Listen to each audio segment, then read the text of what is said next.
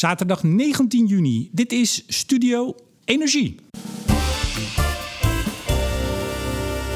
Misschien wel het meest ambitieuze wind- tot waterstofproject in Europa. Zo noemen de initiatiefnemers het zelf. Met hun plan voor 4 gigawatt groene waterstofcapaciteit in 2030 gooiden GasUnie, Shell en Groningen Seaports begin vorig jaar een enorme steen in de vijver. Al in 2027 zou de eerste groene waterstof geproduceerd moeten worden. De benodigde groene stroom willen ze zelf opwekken met meerdere gigawatten aan offshore wind. Inmiddels doen ook Equinor en RWE met de plannen mee. Hoe staat het met die plannen? Hoe zit de business case in elkaar? Is er wel een business case? En doet de Nederlandse politiek, die dol zegt te zijn op groene waterstof, ook boter bij de vis? En ja, is blauwe waterstof de komende jaren niet veel goedkoper en beter voor het klimaat? Vragen, vragen en nog eens vragen die ik allemaal ga stellen aan Ulko Vermeulen, lid van de Raad van Bestuur van GasUnie en verantwoordelijk voor participaties en business development. Meneer Vermeulen, hartelijk welkom. Dankjewel, Remco. Ja, op uw kantoor in Groningen. We kunnen weer een beetje elkaar opzoeken, hè? heel voorzichtig. Ja, maar we houden natuurlijk wel keurig afstand en uh, dat gaat prima zo. Zeker, er zit zeker twee meter tussen ons in. Um, laten we eigenlijk maar met de belangrijkste vraag beginnen. Hoe spreek je de naam van het project eigenlijk uit? Ah, dat is een hele mooie natuurlijk. Nou, ik denk dat het belangrijkste van, van de naam van het project is dat haatje met die twee. Want uiteindelijk gaat het over waterstof. En natuurlijk is de connotatie met North ook belangrijk. Want de waterstof komt uit het noorden in dit geval. Uh, en komt ook via even, het noorden het land in. We hebben hem nog niet uitgesproken. Ik had hem bewust weggelaten in de intro. Er staat dus North met een 2 of er staat Nord H2. Ja, dat mag je alle twee zo eh, doen. Dus uh, dat is voor iedereen uh, om te kiezen, om het maar zo te zeggen. Is er een apart bureau in Nederland die al dit soort gekke namen verzint? Nee, Want nee, iedereen nee. met waterstof gaat met haatjes en ja, tweetjes. Ik denk, ik denk, dat er heel veel bureaus zijn in Nederland die zeg maar, allemaal dit soort dingen doen. En het leuke hiervan is dat ze dat gewoon zelf bedacht hebben. Kijk eens aan. Nou, ik werd opgehaald door een van die mensen vanaf het station met een grote oranje H2. Hoe heet het ook allemaal? Er is een heel Missie H2. Missie H2. Daar was niks origineels te verzinnen. Missie H2. Dat is een beetje saai eigenlijk. ja, saai ja. Maar het is wel heel origineel verder.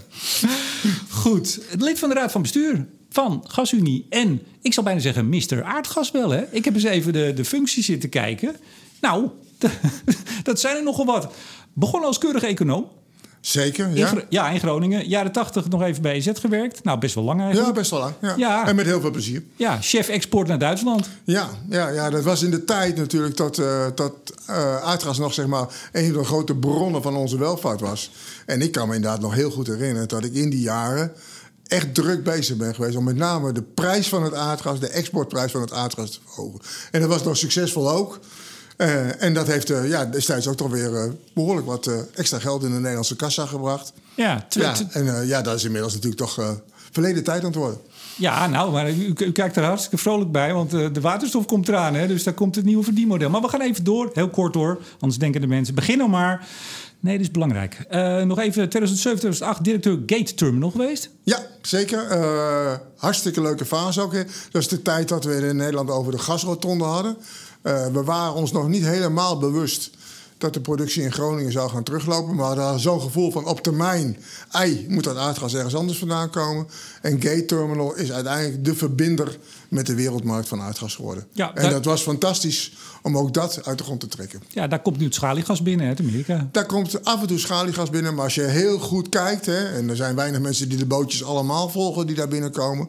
de meeste boten komen uit Qatar, uh, en uit Noorwegen en het algemeen. Maar er komen ook boten uit Amerika. Ja, het is een wereldmarkt. Zeker. Nou, sinds 2008, dus eigenlijk al langer bij, bij uiteraard bij GasUnie. Heel veel jaren. En uh, directeur partic Participations moet ik zeggen natuurlijk. Het is in Engels, ja. En Business Development. En sinds 2016 lid van de Raad van Bestuur. Ook nog voorzitter van Groen Gas Nederland. Voorzitter van de strategiecommissie van International Gas Union. Ja. Klopt allemaal nog? Ja, wat klopt allemaal. Anders klopt de website van ja. GasUnie niet. Dus ja. ik lees gewoon voor ja. wat er staat. Uh, voorzitter Raad van Bestuur Energy Delta Institute. Nou, noem maar op. Uh, helemaal in het gas, hè? Ja, helemaal in, nou, helemaal in de energie eigenlijk. en dat zeg ik natuurlijk uh, wel zeg maar met een bedoeling. want gas moet je wel onderzien als onderdeel van een energiesysteem. En natuurlijk, iedereen denkt bij aardgas aan aardgas. Maar ik moet je eerlijk bekennen dat ik al tien jaar bezig ben met ook groen gas En de laatste jaren, moet ik toegeven, is de, zeg maar, de sprong naar waterstof is wel heel snel gegaan. Ja, is er op een gegeven moment een memo uitgegaan hier in het gebouw van we, we zeggen voortaan, we gaan niet meer over gas hebben, we gaan het over energie hebben. Is dat, kent u die memo nog? Nee, die memo ken ik niet. En ik kan je wel vertellen dat het natuurlijk hier, in, ook in dit bedrijf, Weet je, dat gaat door fases heen. Uh, en nu is waterstof bijvoorbeeld is een soort van algemeen goed geworden in Nederland. En zeker in de energiewereld. En helemaal in dit bedrijf ook. Maar er zijn ook andere tijden geweest. Dus ook dat, weet je, dat gaat niet zomaar. En het gaat ook niet met memo's. Dat gaat in de loop van de tijd. En ja, je krijgt steeds meer mensen mee aan de kar. Ja, je krijgt ook mensen tegen aan de kar. Zeker, en dat is maar goed ook, zo hoort het. 27 februari 2020. Waar was u toen? Ja, uh, ik denk op dezelfde plek als waar jij toen was, uh, Remco. Dat was bij de lancering van het initiatief van Noord H2 of Noord 2, wat je wil. Op het, uh, provincie, ja, op het provinciehuis hier. Ja. Ik vond dat een, zoals de Belgen zeggen, een hallucinante vertoning. Vond u dat ook? Ja, nou, ik zat lekker rustig in de zaal, zeg maar. Hè. Al, uh, ik zat ernaar te kijken. Ik ook? Ja, uh, nee, ik vond het natuurlijk geen hallucinante vertoning. Uh, maar ik wist ook van tevoren, denk ik, meer dan jij van wat er zou komen. En ik had mijn eigen beeld daarbij. Ik vond het wel een, weet je, een markant moment. Want het was toch het moment dat zo'n soort groot project in Nederland werd gelanceerd. En daar kun je over discussiëren. Is het een project? Is het een aankondiging dat wou, van Dat wou ik u net vragen. Is het wel een project? Nou ja, het gaat wel een project worden, hopen we. Kijk, uh, nee, maar wacht, wat, nee, wacht, we, toen, wacht, we toen aankonden... Meneer Vermeulen, ik ga u even onderbreken, want volgens mij gaat u gewoon door. nee, even, we gaan even naar die dag terug. We houden het ook even helder voor de, voor de, de luisteraars. Ik kan zeggen voor de kijkers. Maar die, die hebben we nog niet. Die komen nog wel. Um, toch even, laten we even de feiten noemen. 27 februari. Het was al een tijdje, ging het rond in, uh, in het wereldje. Nou, er gaat iets groots gebeuren in Groningen. Nou, dat was dat. Uh, er kwam een persbericht uit en, en, en, alles. Laten we even de feiten. Wat werd daar nou toen, toen concreet aangekondigd? Toen werd er aangekondigd dat we gingen studeren of een project van 4 gigawatt, uitlopend uiteindelijk naar 10 gigawatt, wind op zee, met een conversie naar waterstof, of dat een haalbare casus zou zijn voor dit land. Echt waar? Hebt u dat, uh, hebt u dat eruit gehaald? Ja. Ik zag daar uh, mevrouw Van Loon van Shell. Ik zag volgens mij uw uh, ja, collega raad van bestuurslid Han Venema, de CEO. En ik zag meneer Keunings, heet ja, ja. Kas, sorry. Kas Keuning, ja. Sorry, meneer Keunings. even, ja, er gaan dagen voorbij dat hij niet in mijn hoofd zit. Van Groningen Seaports. Die drukte daar op knoppen. En, en ik hoorde de, de commissaris van de koning toen al zeggen dat uh, Parijs lag in Groningen vandaag. Ofwel, het begon in Groningen. Nou, het ging hier gebeuren. Dat project dat ging van start. En wel nu. Dat, dat was niet de sfeer. We gaan eens een begin maken met een haalbaarheidsstudie. En dan gaan we, want ik heb inmiddels begrepen, in 2024 mogelijk de investeringsbeslissing nemen. Dat was totaal niet de sfeer daar, meneer Vermeulen. Uh, laat, ik het, laat ik het eens een keer om, omdraaien wat over zegt. Want ik vind het een grappige uh, waarneming natuurlijk. Kijk, uh, als je bijvoorbeeld naar een bedrijf als Shell kijkt... Hè, voor hun was dat een zenuwachtige dag. En waarom was het dat voor heb ik gemerkt, ja. Waarom was het voor hun een zenuwachtige dag? Normaal kondigen zij inderdaad projecten aan... op het moment ongeveer dat ze besloten hebben dat ze iets gaan bouwen. En om nu aan te kondigen, we gaan een groot initiatief neerzetten. En wij weten natuurlijk ook nog niet bij het begin van het initiatief of het een succes gaat worden. We gaan er wel van uit en we gaan ervoor. Uh, dat was voor hun best een hele moeilijke. Voor u niet dan? Uh, wij zijn meer gewend geraakt als bedrijf. Wij zijn natuurlijk als bedrijf GasUnie hebben we de afgelopen jaren wel vaker zeg maar, in een vroegtijdig stadium geprobeerd zaken los te krijgen en, los, en in beweging. Nou, je, je noemde bijvoorbeeld Gate net, hè? dat heb ik dan zelf mogen meemaken. Uh, daar zijn wij natuurlijk ook een soort van op de barricade gaan staan om dat voor Nederland voor elkaar uh, te boksen. En toen wij daaraan begonnen, was ook niet duidelijk of er een FID zou komen. Daar heeft toen 2,5 jaar tussen gezeten. Was ook een iets minder complex project dan Norsa 2 is, hè? maar ook, was ook een complex project.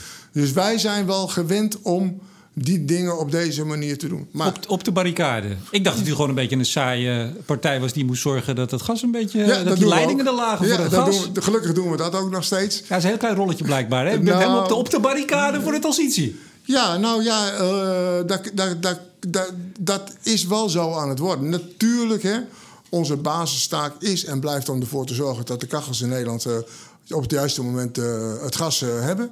Dus bijvoorbeeld betrouwbaarheid, leveringszekerheid van aardgas, dat staat bij ons echt, blijft op één staan. Efficiënt, kosteneffectief. Maar wij snappen, ja, en kosteneffectief en efficiënt. Maar wij wij zijn echt doordrongen van het feit dat uiteindelijk die energievoorziening er heel anders moet gaan uitzien. Ja, nee, maar dat, als het klimaat en dat is bepaald. En dan moeten wij onze rol in pakken. Ja. ja, en dan moet je een beetje op de barricade durven gaan staan. Niet altijd afwachten tussen de coulissen. Nee, dat van dat klimaat mag u één keer zeggen. Hebt u nu gezegd. Want al onze luisteraars die weten waar dit over gaat. Dus daar gaan we het verder voor nu even niet meer over hebben. Maar toch even, want uh, het is wel even essentieel wat daar gepresenteerd werd. U zei Shell was wat nerveus, of best wel nerveus zelfs.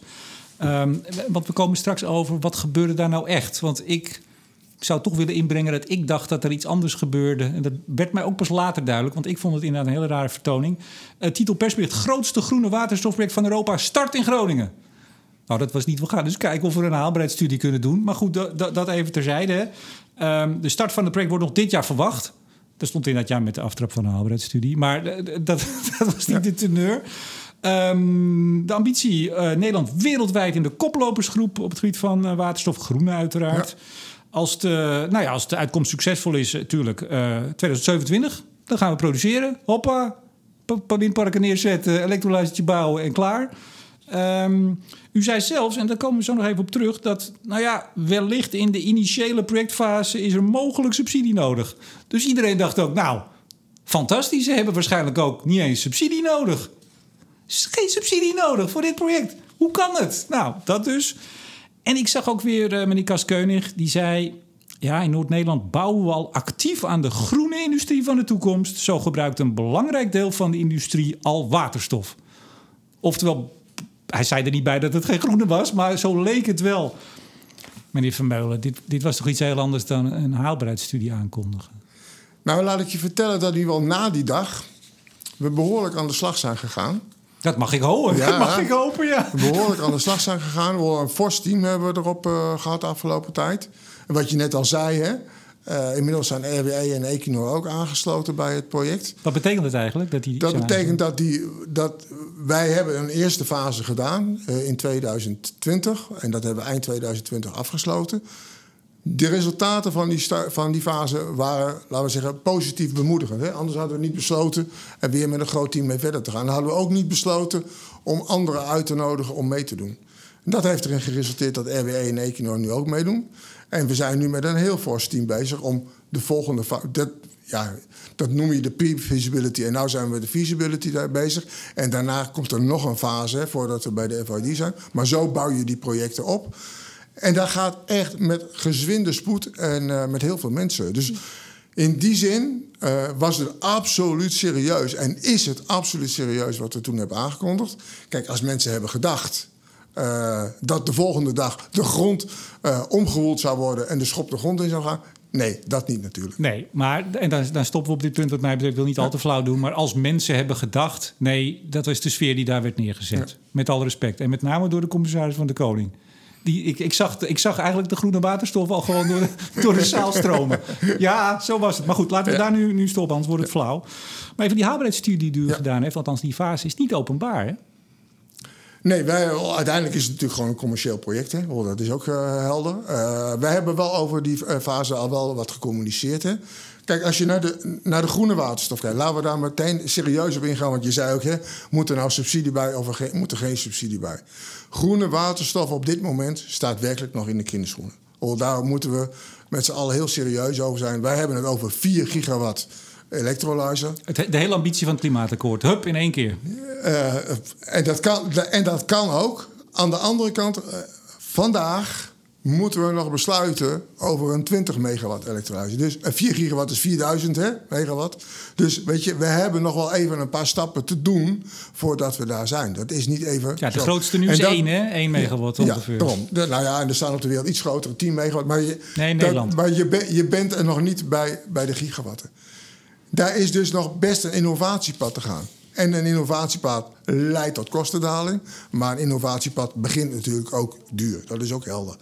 Dus groene waterstof vandaag is in de markt absoluut niet competitief. Maar toch even, waarom ja. schrijft u dan in het persbericht dat er mogelijk subsidie voor nodig is. Ja, nou, Toen ik uiteindelijk- dat las, dacht Ja. ik, wie, wie, wie zit wie hier nou in de maling te nemen? Ja, nou, ik denk wel een terechte opmerking hoor, als ik heel eerlijk ben. Want dit gaat gewoon niet zonder subsidie. Zo simpel moet je zijn. U Uiteindelijk, had de zin even gemist in de conceptversie. Uitei- uiteindelijk, kijk, als wij de 4 gigawatt gaan doen, en zoals we de studies nu ook hebben gedaan, dan zie je dat in 2030, als je op dat punt uitkomt, dan zit je in een fase dat groene waterstof kan concurreren met elektrificatieopties, met blauwe waterstof, wat je net al noemde. Dan zit je in die zone. Daar zijn we nu absoluut nog niet. Hè? Maar toch even terug naar de vraag. Ja.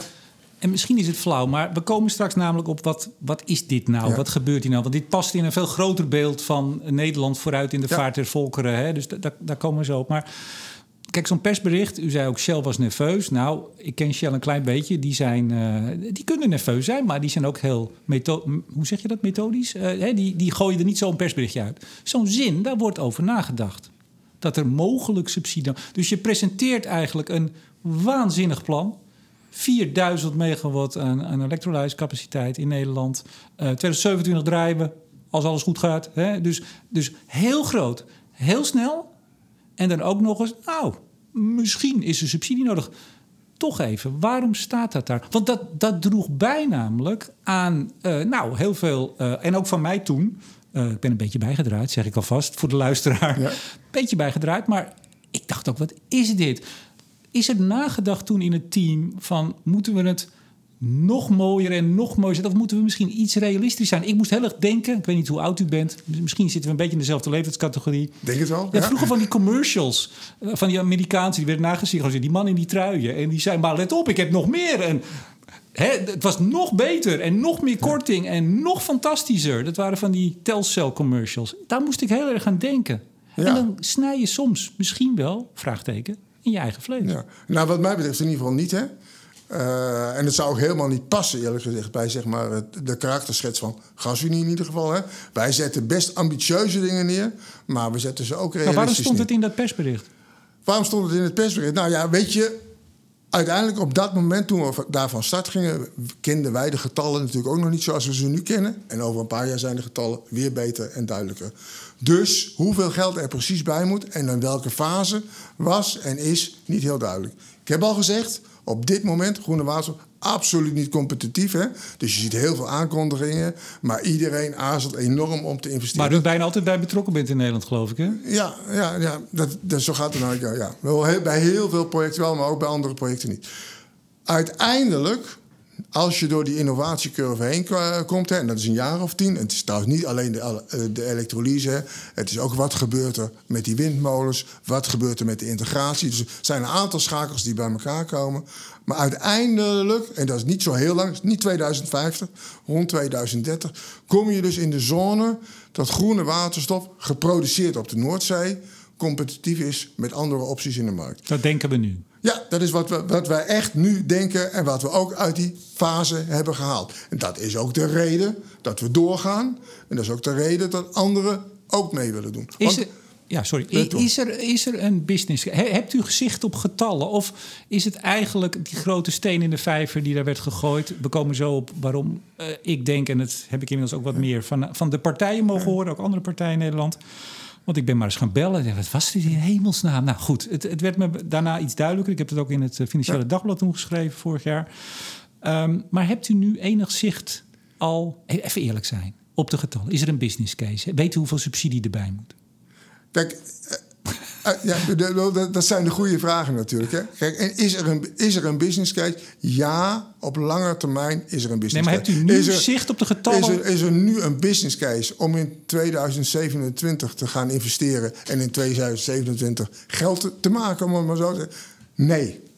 Dus we moeten komen naar dat punt van die 4 gigawatt, dat we inderdaad in die 4 gigawatt kunnen investeren, dat we door die kostencurve heen komen. En dan zijn we uiteindelijk op dat punt. En daarmee zeg ik dus ook, als je kijkt naar het miljardenbedrag wat hier eh, eh, mee gemoeid is, hè, dat gaat over de 10 miljard euro eh, heen. Daar is in die periode tot 2030, naar onze beste inschatting, best een hoop geld nodig, ook van de overheid. Best een hoop geld. Ja, Maar als, als- echt een hoop geld. Nee, dat, dat geloven we allemaal. Maar even als ik nou staatssecretaris eh, Dylan uh, Jezilkus had meegenomen hier vanmiddag bij u op dit eh, prachtige kantoor. En die had gezegd, nou meneer Vermeulen, zegt dit maar. Wat kan ik voor u doen? Wat hebt u nodig? Had u dan- überhaupt een antwoord gehad? Ja, dan hebben, we- uiteindelijk hebben we twee dingen nodig om dit project in zijn totaliteit draaiend te krijgen. Als je het over geld hebt. Het gaat niet alleen over. Als je het even op geld hebt, dan moet er een systeem komen waarmee we die innovatie kunnen betalen. Dat is een eenmalig iets. En dan moeten we een systeem hebben waarmee groene waterstof in de markt goed kan concurreren met andere elementen. En dat heeft te maken met de kostprijs van groene waterstof. Maar het heeft ook te maken met de waarde van CO2 in de markt natuurlijk. Ja, en dan hebben we het over de En CO2-prijs. dus wat we nodig hebben is een goede waardering van CO2, de ETS-prijs en alles wat daarbij hoort. En we hebben een stuk innovatie, laten we zeggen, subsidie nodig. Dat Nou. zijn de twee dingen waar het om gaat.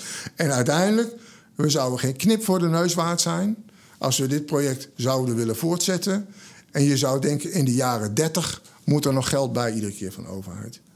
Hier moeten we een optie ontwikkelen die uiteindelijk systematisch en structureel concurrerend in de markt kan staan. En dat is, alleen met dat perspectief is het verantwoord om het project aan te gaan. Nou, daar heb ik twee vragen. Hoeveel moet u eenmalig hebben? En hoeveel moet de CO2-prijs zijn? Ja. En die, die houden, hangen natuurlijk nog een beetje, een beetje samen. Hè? Dat eh, hoef U hebt daar vast een leuk schemaatje voor ho- gemaakt. Hoef ik, jou, hoef ik jou ook niet eh, uit te leggen. Kijk, en dan is het ook heel simpel. Eh, laten we maar even de koe bij de horens pakken. Dat Graag. is altijd het leukste met dit soort dingen. Zeker. Als je nu kijkt wat er nodig is om bijvoorbeeld CCS in de markt te zetten, eh, carbon capture bij de industrie. Eh, daar doen we nu het eerste project in Nederland met Portos. En hopelijk komen er daar nog een paar achteraan. Daar kom je met een CO2-prijs van, laten we het even ruw zeggen, tussen de 50 en de 100 euro per ton. In die range kun je heel wat doen. Nou, daar zitten we. Daar Net. beginnen we tegenaan te komen. Daar zijn we nog niet, eh, vind ik, Emco. Maar daar beginnen we aan de onderkant tegenaan te Ja. schurken. Je ziet dan ook dat ook voor die projecten... en nu nog SDE wordt toegekend. Die 50 tot 100 euro per ton ga je met groene waterstof niet halen. Daar kom je hoger uit. Of het 150 is, of 175 of 190. Weet je, dat, moet, eh, dat moeten wij nog gaan fine-tunen in de komende periode. Maar ik durf je echt eerlijk te zeggen... wij gaan niet op die 50 tot 100 komen... maar we komen ook niet bij onmogelijk hoge bedragen. Nou, dan zeg ik eh, 150 euro de Ja. ton, dan, eh, dan kan dit vliegen. Ja, da- en je, Vanaf en da- 2030. En daar, moet- daar moet je dus naar, vanaf 2030, ja. Dus daar, naar dat soort ranges moet je toe. Uiteindelijk moet de, en dan kan de markt, natuurlijk met een waardering van CO2, dan kan de markt het dragen. Ja, zonder exploitatiesubsidie. Ja. Ja. Ja. Ja. Wa- Wat, heb u En dan is het andere probleem waar je naar vroeg, hè? Je innovatiesubsidie aan de voorkant, hè? Hoeveel moet je er nu extra instoppen om die kostendaling van die elektrolyse te krijgen? Om dit, om dat, om dat. Nou ja, dan heb je het ook, heb je het ook over wezenlijk geld. Het gaat niet over 10 miljoen, hè? Wel, gaat echt ook over honderden miljoenen. Maar daar, in die termen moet je denken. Maar ga- gaan wij als Nederland, het kleine Nederland, als het gaat over electrolyzers, hè? gaan wij met een paar honderd miljoen de prijs van electrolyzers substantieel naar beneden krijgen? Eh, gelukkig zijn we niet de enige in de wereld, zou ik bijna zeggen. Eh, en we moeten dit tenminste, mijn stellige overtuiging, op Europees niveau doen. Maar je ziet het ook wereldwijd. Hè. Als je gewoon naar het Midden-Oosten gaat nu, dan zie je daar ook grote elektrolyserprojecten. Dus als je het hebt over die innovatiegelden voor de elektrolyserkant, zou mijn stelling zijn dat Nederland daar natuurlijk zijn bijdrage aan moet leveren. Maar dat moeten wij niet in ons eentje doen. Dat is eigenlijk een Europees spel wat we moeten spelen. Dat moeten we met Europa samenspelen. Zo moeten wij zorgen dat A, die elektrolysekosten omlaag gaan... en daarmee de ketens tot stand komen. Maar moeten we eigenlijk ook zorgen tegelijkertijd... dat er een Europese elektrolyse-industrie ontstaat. Dat we ook de maakindustrie in Europa helpen. Dus dat het mes aan twee kanten snijdt. Hoeveel gigawatt wind eh, gaat u neerzetten? En Nou, voor die, eh, di- dit project hè, is, is uitgelijnd op eh, 4 gigawatt wind Voor in 2030. 2030. Ja, Ja, en dat komt- Met een ambitie om daarna door te groeien naar 10 gigawatt in de jaren 30. Ja, en dat gaat u allemaal zelf neerzetten. En de, die stroom gaat niet het net op, die gaat puur naar de electrolyzers van dit project. Wat je je daarbij moet voorstellen, en dat is natuurlijk het verschil, een verschil met nu. Hè. Nu zetten de windparken op zee neer, komen de kabels aan land en gaat de stroom het land door, om het maar zo te zeggen. En moeten we dus ook de verbinding met het land maken. Dit project is nog, de 4 gigawatt is gebaseerd op electrolyzers op de kust. Dus De stroom komt met kabels op de kust en wordt daar omgezet, uh, in waterstof. Even simpel geformuleerd. Op de kust bij Eemshaven staan die elektrolyzers. En vanaf dat moment is het geen stroom meer, maar is het waterstof.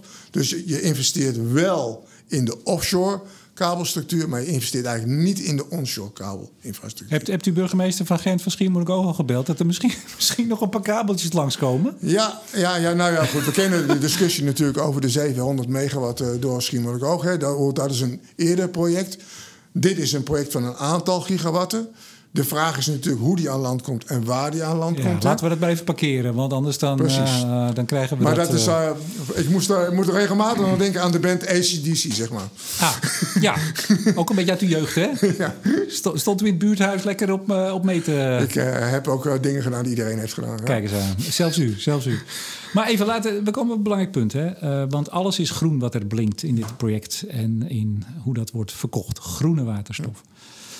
Maar ik denk dat u ook weet, uh, u zit al zo lang in de energie, dat zeker tot 2030 uh, zult u verdringen, zoals het zo mooi heet. U gaat uh, stroom die we nog heel goed kunnen gebruiken om ons elektriciteitsnet naar nul uitstoot, althans naar hè, 100% hernieuwbaar te krijgen die gaat u opsoeperen voor uh, electrolyzers. Ja, dat is een van de meest heftige discussies die natuurlijk... Uh... U moet eens weten wat ik allemaal heb meegekregen voordat ik hier naar binnen kwam. Wat ik moest gaan vragen. Uh, soms valt het woord crimineel. Ja, dat ja. is een van de meest heftige discussies die er op het ogenblik is. Ik denk dat het heel goed is om te begrijpen waar dat uiteindelijk... Kijk, um, even heel simpel gezegd. Als wij meer wind op zee kunnen neerzetten... en we kunnen die stroom easy accommoderen in het Nederlandse systeem... moet je dat ten principale eerst doen. Dat is veruit het slimste. Daar, komt, daar komen wel de grenzen langzamerhand in zicht. Het wordt steeds moeilijker natuurlijk om die stroom daadwerkelijk op de goede plek te krijgen. En op het goede moment op de goede plek te krijgen. Dus in het stroomsysteem komen we langzamerhand tegen de grenzen aan. Dat is de ene kant van de vergelijking. De andere kant van de vergelijking is, we weten natuurlijk dat op een bepaald moment, en het moment komt razendsnel dichterbij, dat we niet alleen onze elektronen moeten vergroenen, maar dat we ook onze moleculen uh, moeten vergroenen. En bij die moleculen kom je heel snel bij waterstof uit. Dan is de vraag, op welk moment begin je daarmee? Nou, met NORSA 2 hebben we eigenlijk gezegd, laten we er nu... En het klinkt groot, hè, 4 gigawatt. Maar laten we dat is het ook. Op, nee, dat is het niet. dat, laten we er nu op bescheiden schaal mee beginnen. Want uiteindelijk moet je naar tientallen gigawatt toe. Hè, energie is heel veel, hè, is heel veel. En Soms willen we dat misschien met z'n allen niet begrijpen, maar als je die energietransitie echt wilt doortrekken, dan is dat heel veel. Dus wij hebben gezegd: laten we daar nu mee beginnen. Laten we leren, laten we de kosten omlaag brengen, laten we tot een competitive positie komen. En we hebben niet voor niks gezegd, we willen doorgroeien naar 10 gigawatt. En Noorsa 2 is natuurlijk niet de enige. Hè? Dat is één, er gaan in de Noordzee, er gaan op de wereld meer consortia ontstaan die groene waterstof gaan produceren. Maar en laten we, daar, laten we daar blij mee zijn, want we hebben het hard nodig. Uh, ik, ik, denk dat, dat de meeste luisteraars daar wel over eens zijn dat op de lange termijn, uh, als we de, de moleculen willen uh, vergroenen, dat je bij waterstof een substantieel deel bij waterstof uitkomt. Maar het gaat om, u, u zegt nog steeds op uw, op uw website 2027. Ja. Daar zetten we op in. Dus dat is voor, voor de eerste gigawatt. Hè? Ja, zeker. Nou ja, maar, goed, nee, maar het gaat even over die verdringing en die ja. concurrentie die u aandoet. Ja, klopt. 2030 en, en... is de verwachting tot nu toe, volgens de laatste KEF, nog steeds dat we op nou, 70% misschien ietsje meer vergroening van ons stroomhoeveelheid ja. uh, zitten. Dat is nog zeker geen 100% Ja, en als u helemaal elektrolyzers gaat bouwen, dan neemt de stroomvraag, de elektriciteitsvraag, neemt natuurlijk ook toe. Ja. En die moeten afgedekt worden. Dus we schieten daar niet zo heel veel op. Mag ik u één citaat voorleggen? Dat is van uw chefstrategie, Martin Visser, de cijferkoning van Nederland. Ja. De ongekroonde cijferkoning. Ook uh, vaak hier te gast. Het is uit juli 2018, zeg ik erbij. En het was een tweet. En als ik hem uit zijn verband trek, dan zal uh, Martien mij direct in de nek springen als hij weer van vakantie terug is binnenkort. Maar hij zegt uh, daar, en dan gaat het over um, de waterstof. Hè? Hoe vergroenen we nou de waterstof? Want daar bent u mee bezig. Althans, dat wilt u. Hij zegt, we hebben haast om de CO2 te verlagen. Um, ik zou daarom CCS toepassen op SMR. Uh, steam Methane Reforming, even voor degene die het niet weet. Maar op, de, op de huidige manier van het maken van waterstof. Met aardgas, waar dus uh, CO2 bij vrijkomt. Hij zegt, ik zou daar CCS op zetten. Uh, dat is goedkoop en snel. En dan zou ik wind en waterstof benutten als vervanger van aardgas, aardolie en, en kolen. En daarna, als dat dus gelukt is, zou ik de, die blauwe waterstof zou ik dan gaan verduurzamen. We kunnen snel en goedkoop kunnen we nu al de waterstofproductie uh, ja, uh, CO2-neutraal maken. Kunnen we ook op, opschroeven. Uh, we hebben heel veel lege gasvelden. Ik heb, nog, ik heb een aantal vragen gesteld aan mijn volgers. Margriet Kuiper, misschien kent u die ja. ook. die, die zegt, nou, waarom niet inderdaad blauwe waterstof op een nieuwe ATR, Ortho Thermal Reforming. Ehm, de CO2 kan in veld L9, niet zo ver hier naar het noorden toe. why not? Ja, laat ik, uh, laat ik daar een paar dingen van zeggen. Uh, Graag, daar zitten we voor. Ja, daar zitten we hier voor. Um, wat ik al zei net in het begin, uh, CCS, want het zijn allemaal varianten op CCS, uh, blauwe waterstof. CCS is wezenlijk goedkoper dan groene waterstof zal zijn. Althans, rond 2030. Als we verder kijken in de toekomst, denken wij dat groene waterstof wel eens goedkoper zou kunnen worden dan blauwe waterstof. Maar als je in de jaren 20 tempo wil maken, echt tempo wil maken met CO2-reductie, dan moet je dat doen door bijvoorbeeld CCS in te zetten. Ik denk dat we daar heel snel over eens zijn. Of we dat met z'n allen willen, is een andere vraag. Nee, dat willen we allemaal niet. Maar goed, nee, dat, wij doen net even maar als we puur, als we puur kijken naar de euro's, om het maar zo te zeggen... en we kijken naar kostenefficiëntie in de jaren 20... En klimaat. Kostenefficiëntie om klimaat te verbeteren dan is het antwoord heel simpel. Dan moet je nu inzetten op CCS. Nee, maar wacht even. Tegelijk... Nee, maar wacht even sorry. Maar toch ook even voor de luisteraars die misschien minder ingevoerd zijn. Ook om... Kijk, als je nu uh, als een dolle uh, wind uh, omzet in groene waterstof... dan gaat je uitstoot... Wat gaat die dan? Die, die, gaat, die gaat net. Daarom, daarom, daarom zei ik ook, wij beginnen op bescheiden schaal nu. En 4 gigawatt klinkt als een groot verhaal in 2030. Hè? Maar dat is op zichzelf een bescheiden schaal. Een schaal die je nodig hebt om die kostendaling te realiseren.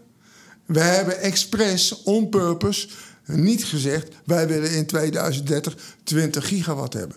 Nee, want dan ga je echt ineten dus, op die dus- stroom. Dus, dus, je moet echt, je moet echt zeg maar, de stroom in essentie... als je hem goedkoop en goed kunt inpassen... gebruiken als stroom. Je moet snappen dat dat ingewikkelder wordt... En je moet snappen dat dat uiteindelijk niet toereikend is om de hele klimaatambitie te realiseren. Maar, was, was en daar moet je dus nu voor, voor investeren. Maar was het dan misschien uh, slimmer geweest, leg ik u voor, om op 27 februari niet naar buiten te gaan met... we gaan het grootste groene waterstofproject, hè, dat gaat nu van start... Er, stonden drie van uw CEO's, die stonden allemaal een knop in te drukken. En er ging iets rollen, geloof ik. Of ik weet niet wat er gebeurde. er gebeurt altijd wat. Heb je denk ik ook bureaus voor die dat verzinnen? Ik vind dat wel leuk. Maar het, het begon daar. Uh, Parijs was uh, Groningen en Groningen was Parijs. Of hoe het ook maar gezegd werd. Het, was, het ging nu gebeuren. Het was niet een klein, klein projectje, 4 gig. Nee, het grootste. Het meest ambitieuze. Dat was Groningen. Ja. En, Had u dit nou niet? Nee, maar uh, concrete vraag. Ik, ik, verlies mezelf een beetje. het is ook zo leuk. Um, had u nou misschien, zeg ik, uh, niet het iets reëler kunnen neerzetten? Dat u zegt, luister, wij snappen, tot 2030 is het eigenlijk heel onverstandig... om uh, de, de, groene stroom die we hebben, om daar waterstof van te maken. Uh, uitstoot gaat nog misschien wel iets omhoog, hè? want je concurreert met de, de, groene, de groene stroom... die allerlei andere mhm. dingen veel efficiënter kan reduceren, de uitstoot. Als u dat nou gezegd had, en als u had gezegd... ja, maar als we na 2030 en na 2040 er willen zijn, uw eigenzelfde Martin Visser, uh, chef strategie van GasUnie, die zegt ook, het laatst weer, of dat was vorig jaar geloof ik, uh, mooie column bij Energiepodium, mm waar hij even uiteenzette hoeveel jaar het kost om iets tot iets te krijgen van enige substantie. 20 jaar is wel het minimum, 30 jaar voor het wagenpark in Nederland. Hij geeft er heel veel hele mooie voorbeelden. Iedereen snapt dat. Iedereen zou dat snappen als u zegt, als wij in 2045 ergens willen staan of in 2040, moeten we nu beginnen. En dat betekent dus ook, zou ik dan zeggen, dat we misschien nu ook wat nadelige effecten hebben. Want niets gaat alleen maar in de vloeiende lijn omhoog en altijd alles gaat goed en top en het kost niks, et cetera. Nee, misschien gaat die uitstoot wel zelfs ietsje omhoog voor die 4 gig. Maar ja, anders komen we er niet. Dan zijn we niet daar waar we willen zijn als we daar willen zijn. Was dat nou niet de boodschap kunnen? Ja, nou, looking back in hindsight is altijd uh, is een, is een mooi vak. Hè? Al, uh, ik nou, denk, nee, ik, zei die dag daar ook hoor. Ja, ja ik, ik, denk dat je in die zin uh, gelijk hebt. Hè? Wij hebben wel met z'n allen die steen in de vijver gegooid. En we hebben die steen in de vijver gegooid om Nederland te activeren om na te denken over waterstof. Dat was het, hè? Dat gebeurde en, daar. En, dat, en, en dat is daar in ieder geval gebeurd, hè? Uh, en ik denk uh, je, moet, je moet inderdaad begrijpen dat zoiets een, een, een doorlooptijd heeft. Hoor. Je bent dus echt wel tien jaar bezig voordat je ergens bent. En je moet op tijd beginnen. En als de perceptie zou ontstaan dat je nu heel veel groene waterstof moet maken op hele korte termijn, dan denk je, A, is dat niet reëel wat betreft kosten. En B, is dat niet slim in het energiesysteem. Wat wel goed is, is denk ik wat we hebben gedaan. En je kunt erover discussiëren hè, of het 4 gigawatt moet zijn, of 3 gigawatt, of 5 gigawatt. Maar je moet op schaal nu iets gaan doen om die kosten omlaag te krijgen van, van deze uh, aanpak van de energietransitie. En daar moet je in Noordwest-Europa nu mee starten. Dus ik denk nog steeds dat dat heel erg goed is geweest. En ik denk dat je heel goed moet nadenken hoe je je windvermogen op de Noordzee gaat uitbouwen. We hebben nu straks hè, 2030 uh, een goede 10 gigawatt staan. Maar we moeten eigenlijk dat misschien wel verdubbelen. En dan moeten we naar de tientallen gigawatten uh, in het decennium uh, daarna. Hoe ga je dat nou echt goed doen? Welk deel zet je op stroom? Welk deel zet je op waterstof? Welk deel zet je op zeg maar, de flexibiliteit tussen die twee? Dat zijn de discussies die nu komen. En ik mag hopen dat wij ons Noorsa 2-project inderdaad in 2030 zover hebben. En we zitten nog steeds op hetzelfde tijdschema. Hè? Dus het moet kunnen. Zodat we in 2030 inderdaad op dat kostenniveau zitten waar we willen zijn. Ja, zou het ook niet iets zijn dat we misschien wat meer gaan importeren? We, u, hier als gasunie eh, heeft ook uh, hartstochtelijk ja. meegewerkt aan de gasrotonde. Ja. Ik hoor altijd dat die mislukt is, maar volgens mij waren we best wel een leuke leuk punt hier met uh, nou, de gate terminal, et cetera. Ik heb altijd het idee, ook als u dat zegt, we tientallen, ja, we kunnen de hele Noordzee volzetten. Wat is het ook alweer, die 60, uh, 60 Ja, het hangt er vanaf of je naar het Nederlandse deel kijkt of de hele Noordzee. Maar is het, is het misschien ja. niet ook verstandig op een gegeven moment, we hebben van die prachtige havens hier, meneer. Keunig doet mee van de, de seaports, om ook gewoon groene waterstof te importeren? Ja, ik zou, ik zou, je ziet dat overigens nu ook al, hè, refereerde net al aan het Midden-Oosten. Maar het is niet het enige gedeelte op de wereld waar uh, aan groene waterstof wordt gewerkt. Het gebeurt in Australië ook. Uh, het gebeurt ook in Spanje, Portugal. Gaan we lekker handelen? Daar zijn we goed in. Er zijn dus echt goede mogelijkheden om groene waterstof te importeren. En mijn beeld is dat in, twee, in de jaren 30 ergens ontstaat er ook een wereldmarkt voor groene waterstof. Zoals er ook een wereldmarkt voor aardgas is ontstaan. Wij zijn natuurlijk begonnen in Nederland met een aantal exportbuizen. En uiteindelijk zie je nou een groot wereldwijd systeem. Dat zal met waterstof ook gaan gebeuren. Er wordt lokaal geproduceerd en er wordt internationaal verhandeld. En Nederland, wederom, ja, weet je, wij hebben wel een uitgelezen positie om dat te goed te gaan uitnutten. Dus aan de ene kant kunnen we echt competitief in de Noordzee groene waterstof ontwikkelen. En aan de andere kant kunnen we ook een behoorlijk blok importeren. Nou, op de Noordzee hebben we natuurlijk straks een, een, zeg maar, een ruimteprobleem. Hè? Dat zie je nu aankomen. Wat bestemmen we voor energie? Wat gaan we met de visserij doen? Wat gaan we met de scheepvaart doen? Wat moeten we met recreatie doen? Oh, iedereen is nu heel erg bezig. Ik wil geen windmolen in mijn achtertuin. En ik wil niet te veel van die zonneweiden zien. We en geen moeten... kabel, meneer Vermeulen. Let op. En, en, geen kabel. En, en geen kabel meer.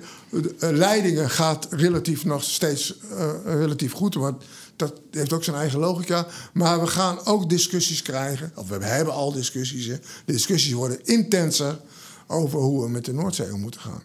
En daar moeten wij inderdaad echt goed over nadenken. En ik denk uiteindelijk, als je 20 jaar vooruit durft te denken, dan gaat groene waterstof in de Noordwest-Europese energievoorziening een grote rol spelen.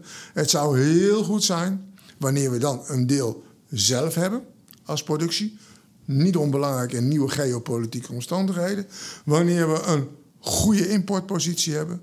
En wanneer we zelf ook een goede bufferpositie hebben. Want wij kunnen dat als land als de beste ja. in noordwest maar, maar, maar, dit verhaal, want ik, ik, ik, het was een heel lang persbericht toen bij de lancering. En uh, niet alleen dat persbericht, maar Nederland uh, gaat altijd zo met zoveel fanfare van start. Uh, bedoel, en van ambitie is belangrijk. ben ik de eerste die dat toegeeft. Als je zegt, nou ja, we gaan eens kijken, ja, dan wordt het al niks. Dus je, je, moet, je moet lekker aan de slag.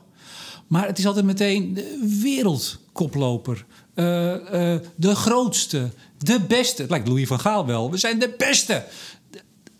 Wat is dat toch? Helpt u me dan? Want wat u nu zegt, ik denk dat heel veel luisteraars zullen denken: Nou, dat, is wel, dat klinkt wel redelijk. Je moet ook zelf wat doen. We zijn het misschien ook wel verplicht om te helpen die electrolyzerprijs naar beneden te krijgen. Dus misschien gooien we wat geld over de brug. Dat hebben de Duitsers op een gegeven moment ook gedaan. Mm -hmm. hebben we, en de Denen hebben wij van geprofiteerd met wind. Dus Ehm, dat kunnen we allemaal nog wel snappen. Maar waar komt dan... U, u zit bij dit soort clubjes als de persberichten worden gemaakt en, en de teksten. Waar komt toch altijd, we zijn de beste en de grootste en de mooiste van de wereld. Wat is dat? Ja, misschien komt het wel omdat we als land toch relatief klein zijn... om altijd weer naar voren willen drukken. Hè? Nou, België is ook klein. Die zijn juist altijd heel bescheiden, omdat ze zo klein zijn. Ja, dus dat werkt twee kanten op. Ja, en, en, ik moet zeggen, ik heb heel veel respect voor de Belgen. En, en al zeker voor de Belgische onderhandelaars. Hoe die altijd vanuit hun positie en hun onder de underdog-positie tot hele goede resultaten komen. Dus ieder land heeft zijn eigen cultuur, eh, denk ik. Het is waar, Noors H2 was op dat moment een van de allergrootste projecten op de wereld op dit terrein. Inmiddels zijn we niet meer de enige. In Duitsland hebben we natuurlijk de aankondiging van Aquaventus gehad. En de, de wereld ontwikkelt zich wat dat betreft razendsnel. Um, die. En nogmaals, ik, ik, herhaal nog één keer en ik, ik, wil niet in die herhaling vallen. De schaalgrootte hebben we best goed gekozen. En daar kun je over discussiëren, een beetje meer, een beetje minder. Maar de schaalgrootte hebben we best maar, goed. Vermeulen, en dan gaan we door, want ik heb nog twee onderwerpjes. Uh, uw eigen rol als, als gasunie. En ik wil het even over de politiek hebben. Lijkt me niet uh, onbelangrijk. Um, ik denk dat we het eens zijn over die schaal. Dat het misschien dan nog best wel meevalt. Het, het, het is de retoriek eromheen die dus zorgt zeg ik dus, dat het ook heel veel weerstand opwekt. Ja, en daarom ben ik ook heel blij met het interview met jou, uh, Remco. Want ik, ik, ben, ik ben blij dat je ons dit voor de voeten gooit. En laten we wel wezen, kijk, uiteindelijk die energietransitie gaat alleen maar lukken als we dat samen een beetje doen. En natuurlijk heb je altijd weerstanden. Maar we moeten het samen ontwikkelen. Wat ik zelf bijvoorbeeld, nou even buiten Noordzij 2, wat ik zelf een hele mooie vond, was de waterstofcoalitie. Hè?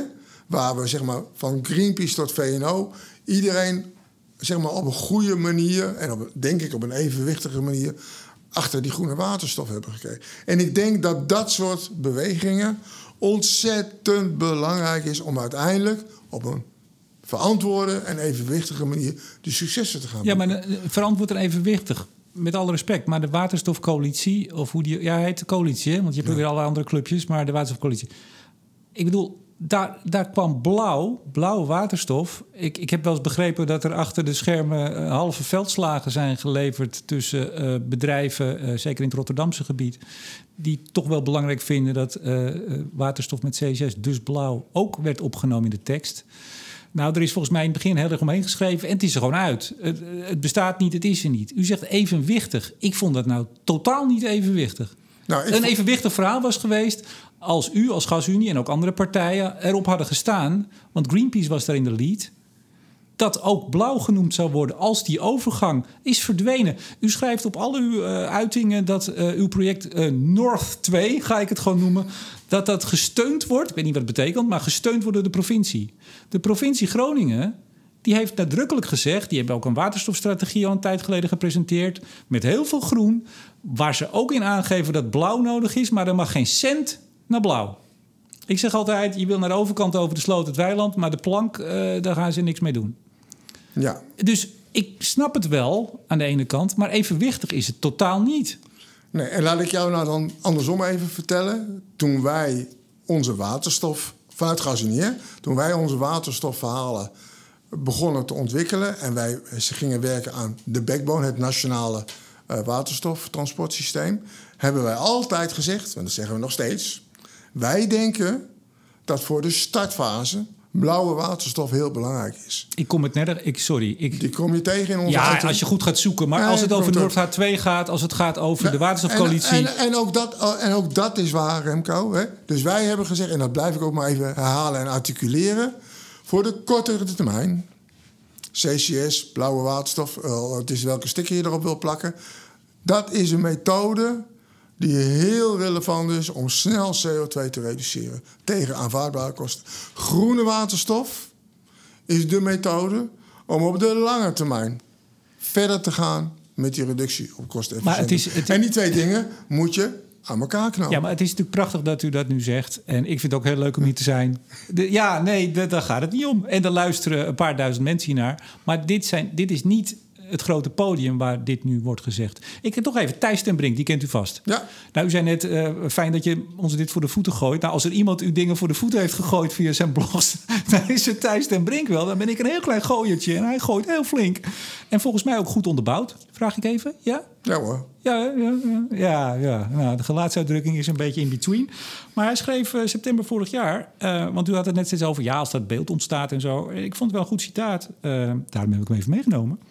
Politici, lobbyisten en de milieubeweging houden de schijn op dat groene waterstof nu direct nodig is en ook direct resultaat zal boeken. Dat kan niet. 100% zeker niet. Um, nou, Thijs is een nette jongen. Als hij het zo stevig zegt, da dan meent hij het ook. En ik denk ook dat hij gelijk heeft. Um, dan laten we dit punt verder zitten. Maar mag ik met u afspreken dat u voortaan als gasunie... veel meer dan dat u nu doet, dat gebalanceerde verhaal gaat brengen... en niet alleen maar met de groen en groen, groen, groen, groen? Wij, uh, wij zullen ons uiterste best doen, Remco, om dat te doen. En wij nodigen jou daar ook altijd van nee, harte dat, dat, bij dat, Nou, er zit hier ook iemand van communicatie bij, zeg ik dan even. Die kijk ik er ook maar even aan.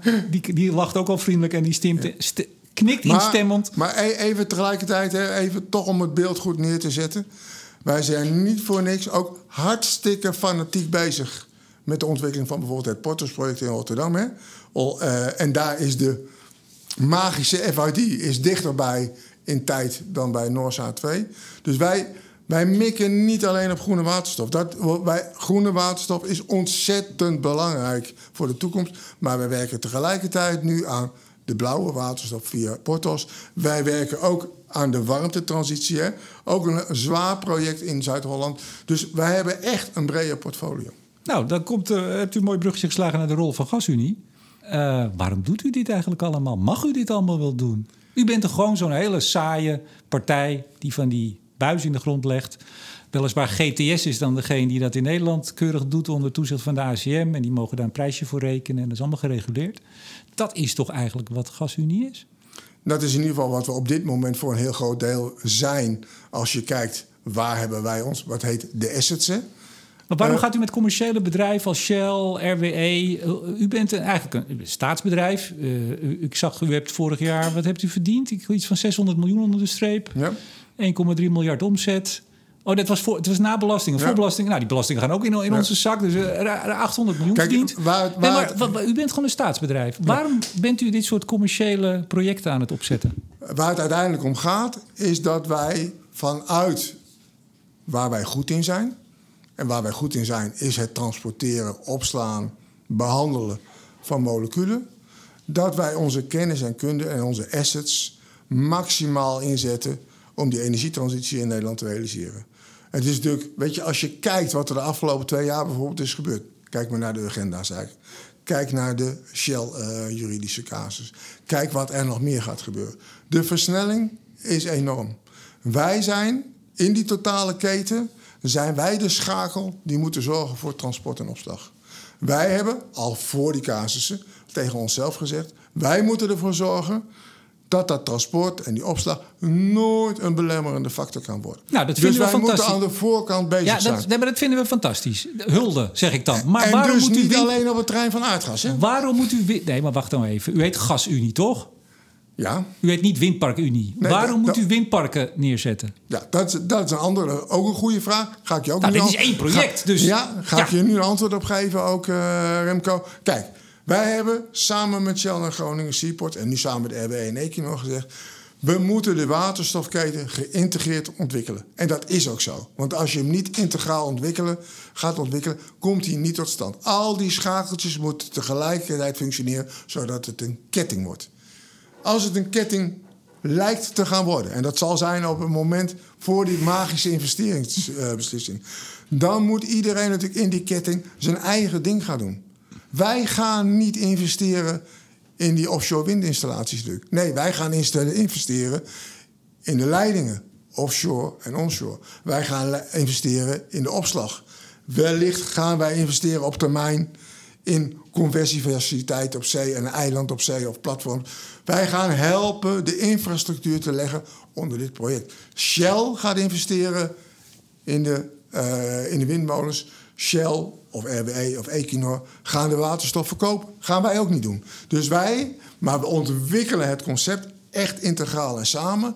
En we gaan het qua timing ook tegen elkaar zetten. Want anders gaat het niet tot stand komen. Grote beweging ho- ho in de energietransitie Ho, ho, moet je zo oppakken. Ik ga u onderbreken. Anders gebeurt het niet. Dat is nogal wat. U trekt een beetje een grote broek aan. Want al die bedrijven die u noemt, en er zijn er nog wel meer...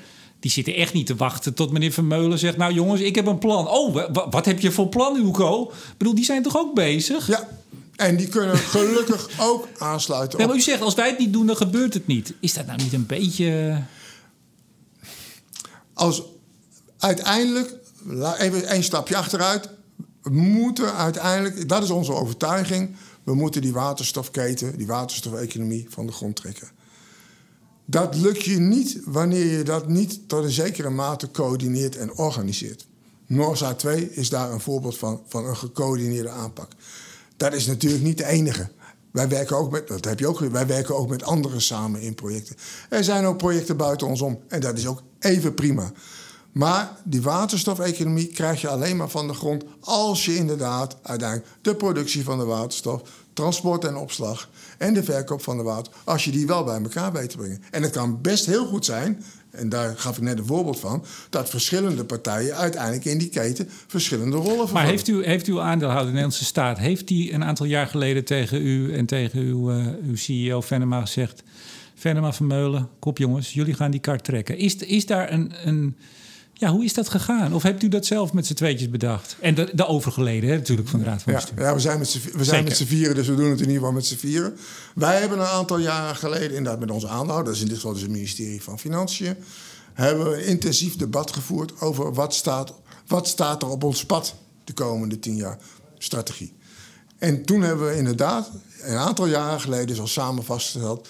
Dat bestaat niet alleen uit aardgasinfrastructuur. Dat bestaat uit infrastructuur voor die moleculen van de energietransitie. En dan hebben we het niet alleen over aardgas, dan heb je het over groen gas, dan heb je het over warmte, dan heb je Nee, maar helder. Dus CCS, het rijtje kennen we. Ja, dat rijtje Dus Maar wij, u- u ja, wij, de- en daarmee hebben wij die opdracht natuurlijk opgepakt. Ja, maar eh, volgens mij vorig jaar nog moest u van de ACM eh, twee, twee dochterbedrijfjes eh, waar GasUnie in de naam zat. Maar dat, oh, dat was ook waterstof. Ik geloof GasUnie Ja. Waterstofservice of zo. Ja. Moest u een andere naam geven, want de ACM vond dat u met de naam GasUnie, nou, u, u lifte daarop mee. En dat is niet de bedoeling, want u bent een gereguleerde organisatie, u bent geen commerciële club, et cetera. We hebben het ook bij de regionale netbeheerders gezien.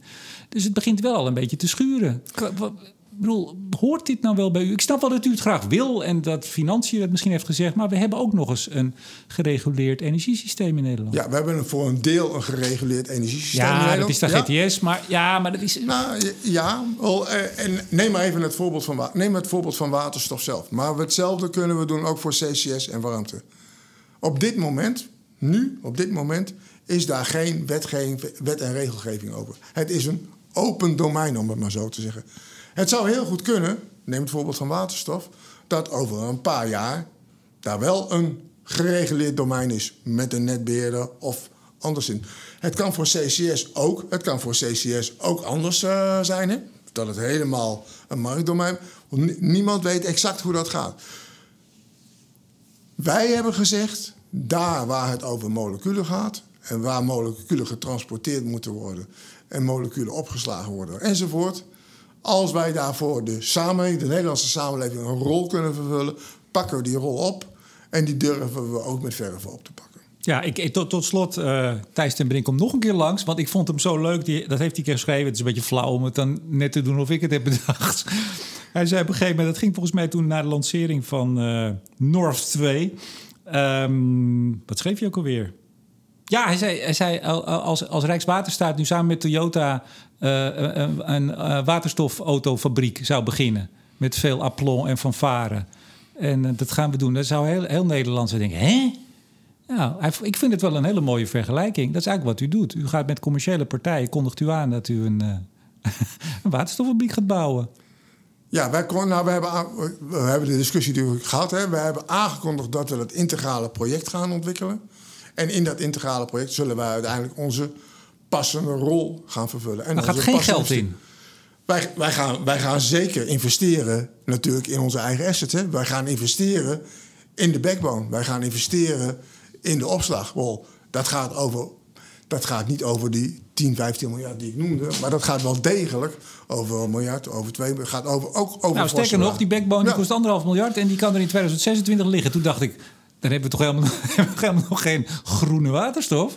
Uh, ik ben blij trouwens dat je net zei dat uh, blauwe waterstof ook een belangrijke rol uh, zou moeten gaan vervullen. En dat is het hem natuurlijk net, hè? Zeker. Die backbone. En als je het hebt over de backbone, zoals wij hem nu gedesigned hebben, dat is, een, dat is een leidingssysteem waar ongeveer 10 gigawatt qua energie doorheen kan.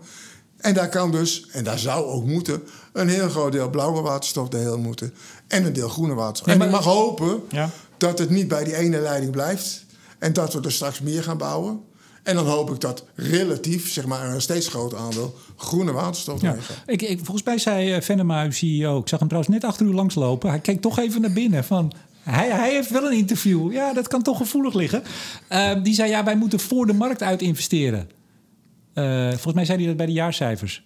Maar da, dan hebt u dus over gasunie en niet over GTS. Want dat is nou juist een van de dingen waar we nu tegenaan lopen... ook bij de regionaal netbeheerders... dat die heel weinig ruimte hebben uh, om voor de markt uit. Want ja, uh, efficiëntie, kostenefficiënt. U gaat anderhalf miljard stoppen in die backbone. Ja, straks, straks gaat er niks doorheen. Dat is voor mij centen vermeulen, zeg ik dan. Ja. Ja, het zijn voor ons ook centen trouwens. Dus uh, dat komt goed nou, nee, uit. Het is van, nee, dat is niet waar. U, u hebt hier een prachtig leuk bedrijf. Maar, maar, het is het geld voor ons allemaal. Ja, dus... maar ook, ook, wij moeten aan het eind van het jaar weer resultaten laten zien. Gelukkig. Nou, dat gaat nog goed. En, la, en, laat, dat, en laat dat zo blijven. Um, laat ik even een klein uitstapje maken in een ander voor, warmte warmte in Zuid-Holland. Ja, bent u aangewezen door het, door het ministerie? Nee, nou, daar gevraagd. zijn we in de Staten. We zijn beoogd. Nu zijn we inmiddels beoogd netbeheerder. En we zijn een paar jaar geleden met dat project begonnen. Hè. U kijkt erbij alsof het, het te lang duurt. Het kan best zijn, als het 2024 is... dat wij dan inmiddels ook de netbeheerder voor waterstof zijn. Kan ook anders, hè. De tijd gaat voort. Wij zijn aan het project begonnen. En waar we nu staan... zullen we daar ook met risico investeren. En natuurlijk investeren wij niet in lege leidingen. Dat gaan we niet doen. Dat geldt voor warmte, geldt ook voor waterstof. Als er totaal geen zicht is op waterstof, gaan wij natuurlijk niet leidingen door het weiland heen trekken. En dat doen we ook niet met warmte in Zuid-Holland. Ja, maar, maar, nee, we, ja. maar we leggen wel een leiding. We zijn wel bereid om een leiding neer te leggen die maar half vol is. Of die misschien maar een kwart vol is. Okay. En, dat is en, weet je, en dat is voor GasUnie ook best nieuw, Remco. Want wij zijn gewend natuurlijk ook om te zeggen... weet je wat, ja, we willen wel een investering doen, maar alle risico's moeten er eerst aan de voorkant uitgepompt zijn. En daar zijn we best succesvol mee geweest. Ook met Gate en ook met andere grote investeringen. Wij zijn nu zover dat we zeggen: in die energietransitie heb je een aanloopperiode. En wij hebben een schaalgrootte nodig, nou eenmaal in die buizen. Wij zijn bereid, en dat mag je voor de markt uit uh, investeren noemen, dat mag je zeggen. Uh, gekoppeld aan de voorlopers in de markt, maakt mij niet zo heel veel uit. Maar wij zijn bereid aan de voorkant te investeren met risico. Maar uiteindelijk natuurlijk niet onverantwoord. En we gaan geen uh, lege buizen in weilanden neerleggen. Ja, we zitten al bijna op het uur en we moeten nog over de politiek hebben.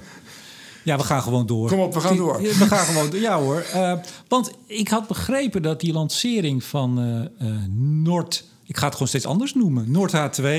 No, het is altijd mooi hè? Als, je, als, je, als je keuzemogelijkheden hebt. Er is niks mooiers dan ik dat. Ik vind het buitengewoon hinderlijk. Maar goed, het is, het is wel leuk. Um, dat er vanuit Den Haag toch wel wat was aangedrongen om op dat moment, februari 2020... Uh, nou toch eens naar buiten te gaan. Want er werd al lang over gesproken, hè, zoals er over, over zoveel dingen wordt gesproken.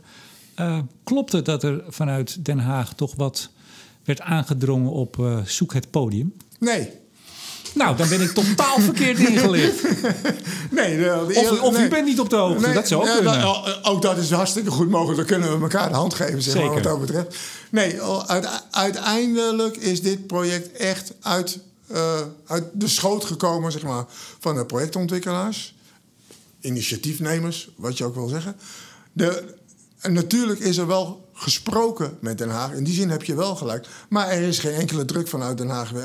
Het initiatief was en is van de projecten. Nee, oh, oh, even. Druk vind ik alweer wat, ja? vind ik alweer wat, wat zwaar. Uh, dat had te maken, uh, en heeft nog steeds te maken met één, Europa. En twee, uh, we spraken toen nog over het Wopke Wiebesfonds. In ieder geval, er waren vele miljarden beschikbaar, of die zouden beschikbaar komen. Uh, voor allerhande zaken. Nou, dit leek daar toch misschien wel bij te kunnen voor een deeltje, zo'n project. Maar met name de Europese component. Uh, ja. Er waren al meerdere landen die al veel meer hadden aangekondigd. En wij waren nog een beetje stil. Ja, uh, eerst even het Wopke Wiebes fonds, hè, want die leg je ook op tafel, Remco. Kijk, daar hebben we de eerste ronde van gezien. Hè? En in het Wopke Wiebes fonds de voorstellen, daar zat ook een voorstel van groene waterstof in. En dat is voor een deel toegekend. Daar een klein deeltje, toch? Ja, een deeltje. Daar zat in het toegekende en in het niet toegekende gedeelte... daar zat Noorsa 2 niet in. En dat klopt ook, hè? Want Noorsa 2 immers... daar gaat pas de investering lopen vanaf 2024. Dus er was en er is op dit moment geen relatie... tussen Noorsa 2 en het Wopke Wiebesfonds. Wat natuurlijk wel heel belangrijk is, en dat klopt... wij willen natuurlijk, heb ik eerder gezegd we willen dit niet als een Nederlands project neerzetten, maar als een project uitvoeren wat relevant is voor Noordwest-Europa. En natuurlijk, ja, daar zal een Nederlandse politieke voor inspanning voor nodig zijn. Maar dat moet gecombineerd gaan met een Europese politieke inspanning. En in die zin is het heel relevant dat wij in ieder geval samen met de Nederlandse politiek hier ook aan werken. Uh, en dat is wat er nu ook gebeurt natuurlijk. Ja, en als we het over politiek hebben, hebben we het dan over uh, het ministerie of de ministeries? Of hebben we het ook over politieke partijen? Gaat u daar ook met een mapje onder de arm langs? Uiteindelijk, en dat is het mooie wel van, vind ik, van Nederland. Hè, gelukkig hebben wij een kabinet. Straks weer een nieuw kabinet. Gelukkig hebben wij een parlement. Gelukkig hebben wij ministeries. Onze manier van werken als gasunie is natuurlijk dat wij primair altijd met de ministerie samenwerken om dit zeg maar vanuit het beleid verder te ontwikkelen. Nou, dan kun jij zeggen, aha, steen in de vijver gegooid. Ja, dat klopt dus. Hè? Dus soms zijn wij ook wel een beetje op de barricade en aan de voorkant en proberen los dingen los te trekken en een bepaalde kant op te gaan. Zeker waar, zullen we ook mee doorgaan. Vinden we ook dat dat bij onze rol hoort. Maar uiteindelijk moeten wat wij doen, moet natuurlijk heel goed sporen met het Nederlandse energiebeleid. Ja, vindt u dat er voldoende, en dat moeten we even los van het project trekken, want u zit volgens mij met uw vingers in heel veel projecten, mm u hebt er ook een aantal genoemd. Vindt u, als het gaat toch wel even over waterstof, laten we dat wel daartoe beperken, blauw en groen. Mhm. Vindt u dat de, de nou, soms toch lyrische geluiden, dat zijn mijn woorden uiteraard, ook van politieke partijen, maar ook in Den Haag breed, dat dat ook gesteund wordt uiteindelijk door daden de afgelopen periode. Ik hoor namelijk, laat ik dat meteen erbij geven dan, ik hoor zeker vanuit het Rotterdamse uh, en, en, ook wel uit andere delen, dat er erg geklaagd wordt over dat die woorden toch niet omgezet worden in daden. Bijvoorbeeld als het over SDE gaat of het aparte potje wat er voor waterstof zou komen, uh, omdat het niet zo in de SDE paste, maar het er eigenlijk nog niet is. Ja, uh, laat ik beginnen met, met eerst even te constateren, want dat moet je wel doen, dat de politieke support voor waterstof, groen en blauw hè, in zijn algemeen behoorlijk breed is. En ik denk op groen is het nog wat breder dan op blauw. Maar er is een behoorlijk brede support. Dat geldt over het hele politieke spectrum uh, heen. En dat zie je ook wel gereflecteerd in wat het kabinet heeft gedaan en waar ze aanzetten toe geven.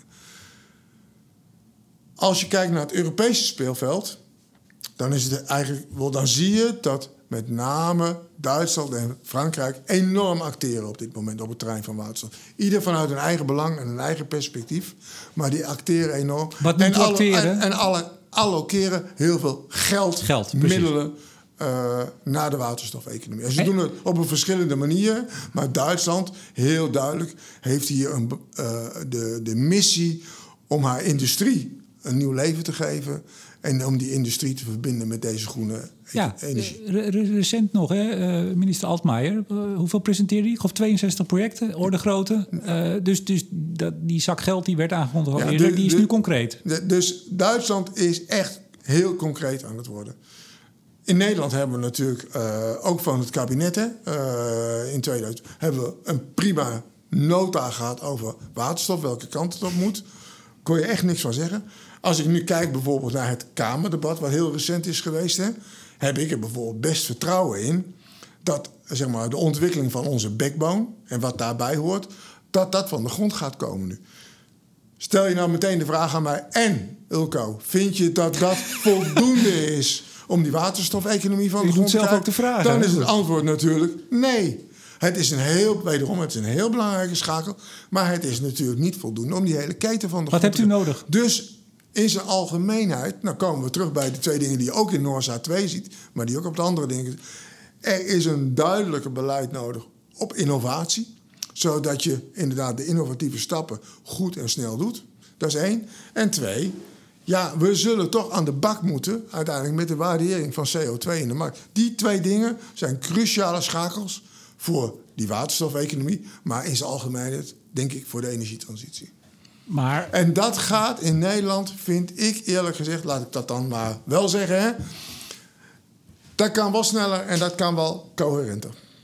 Maar die CO2-prijs, inderdaad, daar hebt u het in het begin ook al over gehad. Uh, ziet u daar dan een rol voor alleen Nederland? Want dan nee. denk ik toch dat u zegt dat de CO2-heffing voor een aantal ook van uw compagnons ja. in het project, dat die dus stevig omhoog moet. Ja, en eerlijk gezegd, hè, die compagnons kijken ook met open ogen naar de toekomst.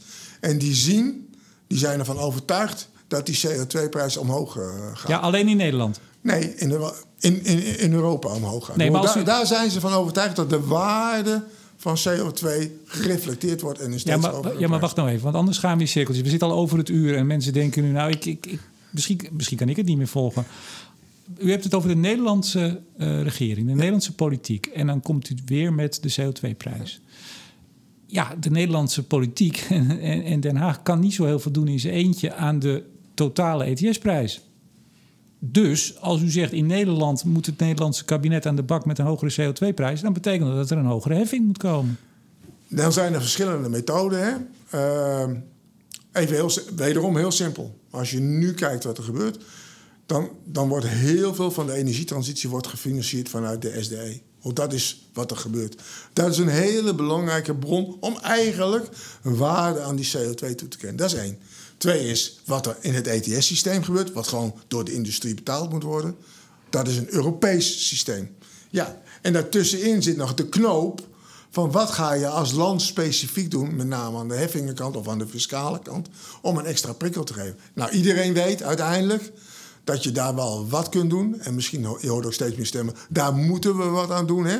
En laten we af en toe even voorop lopen. Iedereen weet ook dat je bij het peloton van Europa in de buurt moet blijven. En dat we dus uiteindelijk Europees die waarde omhoog moeten krijgen. En af en toe het lef moeten hebben om een beetje vooruit te lopen. En dat vooruitlopen, dat kan naar mijn stellige overtuiging prima als je tegelijkertijd zeg maar uh, de carrot en de stick aan de industrie geeft. Als je aan de industrie laat zien, wij geloven in deze toekomst. Wij zijn ook bereid aan de innovatiekant te subsidiëren. Dan kun je best aan de emissiekant ook wat van die industrie vragen. Ja, zo, zo komen we verder. Dus dan lopen we inderdaad af en toe wel mooi voorop in Europa. Maar uiteindelijk ook met een positief resultaat. Want we doen iets aan innovatie, we doen iets aan vernieuwing van onze industrie, onze economie. Ja. En we moeten in de pas blijven met Europa. Als we los gaan lopen, ja, dat kan natuurlijk niet als klein. Nee, maar goed, die carrot en die stick, daar is vanaf 2018 in het, uh, aan de klimaattafel industrie hard aan gewerkt. Die is van tafel geknald, omdat de politiek, en dan hebben we het even over politieke partijen in Den Haag toch vonden dat die vieze industrie maar eens moest gaan dokken. Ik zeg het even wat plat. Ja. Denkt u dat onder het huidige politiek gesternte, we hebben nieuwe uh, woordvoerders ook in de Kamer, we hebben wat nieuwe machtsverhoudingen. Uh, denkt u, ziet u dat er voldoende steun zal zijn uh, bij een nieuw kabinet voor de prikkels, voor de, de, de carrot en de stick, uh, die u nodig acht voor een project als dit? Ja, weet je, wij zijn geen van, geen van beide waarzegger hier natuurlijk. Nou, u komt er net in de buurt. nou, ik, ik hecht toch nog meer waarde aan jouw woorden, hoor, moet ik eerlijk zeggen. Maar wat je denk ik wel ziet op dit moment... is de ernst van het klimaatvraagstuk... en de urgentie van het, zeg maar, van het aandragen van de oplossingen daarvoor... die is wederom toegenomen. Het is niet voor niks dat die rechtszaken zijn. Het is niet voor niks dat steeds meer partijen zich daar duidelijk nee, over Nee, maar ik ga u onderbreken. En, en nee, dus is... acht ik de kans groter. Nee, maar dit, dit kennen we dan moet u er ook bij zeggen dat de afkeer van de industrie ook is toegenomen. Dat is wel een vrij cruciaal onderdeel hiervan.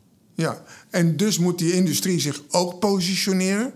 Want als de industrie zich niet vernieuwt, hè, dan gaat het ook niet goed komen. Even, laten we eens een keer man en paard noemen, ook wat dat betreft. En weet je, je mag er nooit één uithalen, doen we dan toch even. Als we het hebben over Tata Steel, een geweldig grote industrie, natuurlijk altijd heel belangrijk in dit land geweest en wederom heel belangrijk. Tata Steel op de manier zoals het nu is, hè, qua emissies, dat kan natuurlijk niet langer. Dat zijn zoveel megatonnen, dat kan niet langer. Hoe gaan we dat nou samen met Tata Steel oplossen?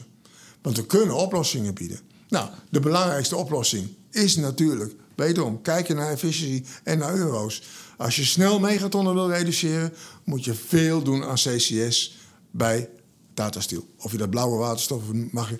Maar dan moet je veel doen aan het afvangen van CO2 en opbergen. Want dat is relatief. Ja, maar- op, de, op de termijn moet je natuurlijk ook Tata Steel naar de groene waterstof brengen. Maar nou, en dat moet je Vermeulen. aan elkaar knopen. Meneer Van Meulen, hebben we onlangs, of afgelopen week, het plan van Urgenda... en volgens mij met steun van Milieudefensie en de FNV en allerlei partijen... En, en volgens mij Rutte en eh, staatssecretaris Zielkus hebben dat met, eh, met open armen ontvangen. Dat gaat precies over wat u zegt. Over op groen eh, of op waterstof. Eh, en dat moet uiteraard groen zijn. Ja, nee, dat Ja, kan niet en, anders. En, ik- en ik zeg dan maar even heel Ja. hard: als je het over zoveel megatonnen hebt en over op die termijnen, maak de goede combinatie van blauw en groen. Ja, en dat is dus nou net het punt. Die wordt niet gemaakt. Want dit plan is vooral ingediend. De FNV heeft zich volgens mij vorig jaar al uitgesproken tegen eh, de CCS, tegen de CO2-afvang. En dat, dan komen we denk ik, en dat, dan Ja, dan, slot hoop hoor. ik, dan hoop ik, Remco, dat we over een paar maanden weer zeg maar, zo tegenover elkaar zitten. Of over een paar jaar. En dat je dan tegen mij zegt. Ik was blij dat je toen in dat interview de realistische blik erop wierp. En zei: je moet een goede combinatie van blauwe en groene waterstof maken. Voor bijvoorbeeld Tata Steel. Nou, ik geloof dat ik dat al heb gezegd, dat ik daar buitengewoon eh blij En ook dan klein- hoop ik dat anderen dat ook eh, met ons eens gaan Kijk, worden. dat is het dus. Nou, kijk, als u, en dat is een prachtig slot, als u als gasunie dit veel meer dan nu gaat uitdragen. Ik denk dat heel veel luisteraars nu eh juichend aan het joggen zijn, want heel veel mensen eh, luisteren joggend. Die denken, nou, fijn als gasunie nou eens een beetje wegstapt van die. eh, hè, dus af en toe moet er misschien een steen in de vijver. Op de barricade, zoals u dat twee keer hebt ge- genoemd. op de barricade. Wie, wie had dat gedacht? Gasunie op de barricade.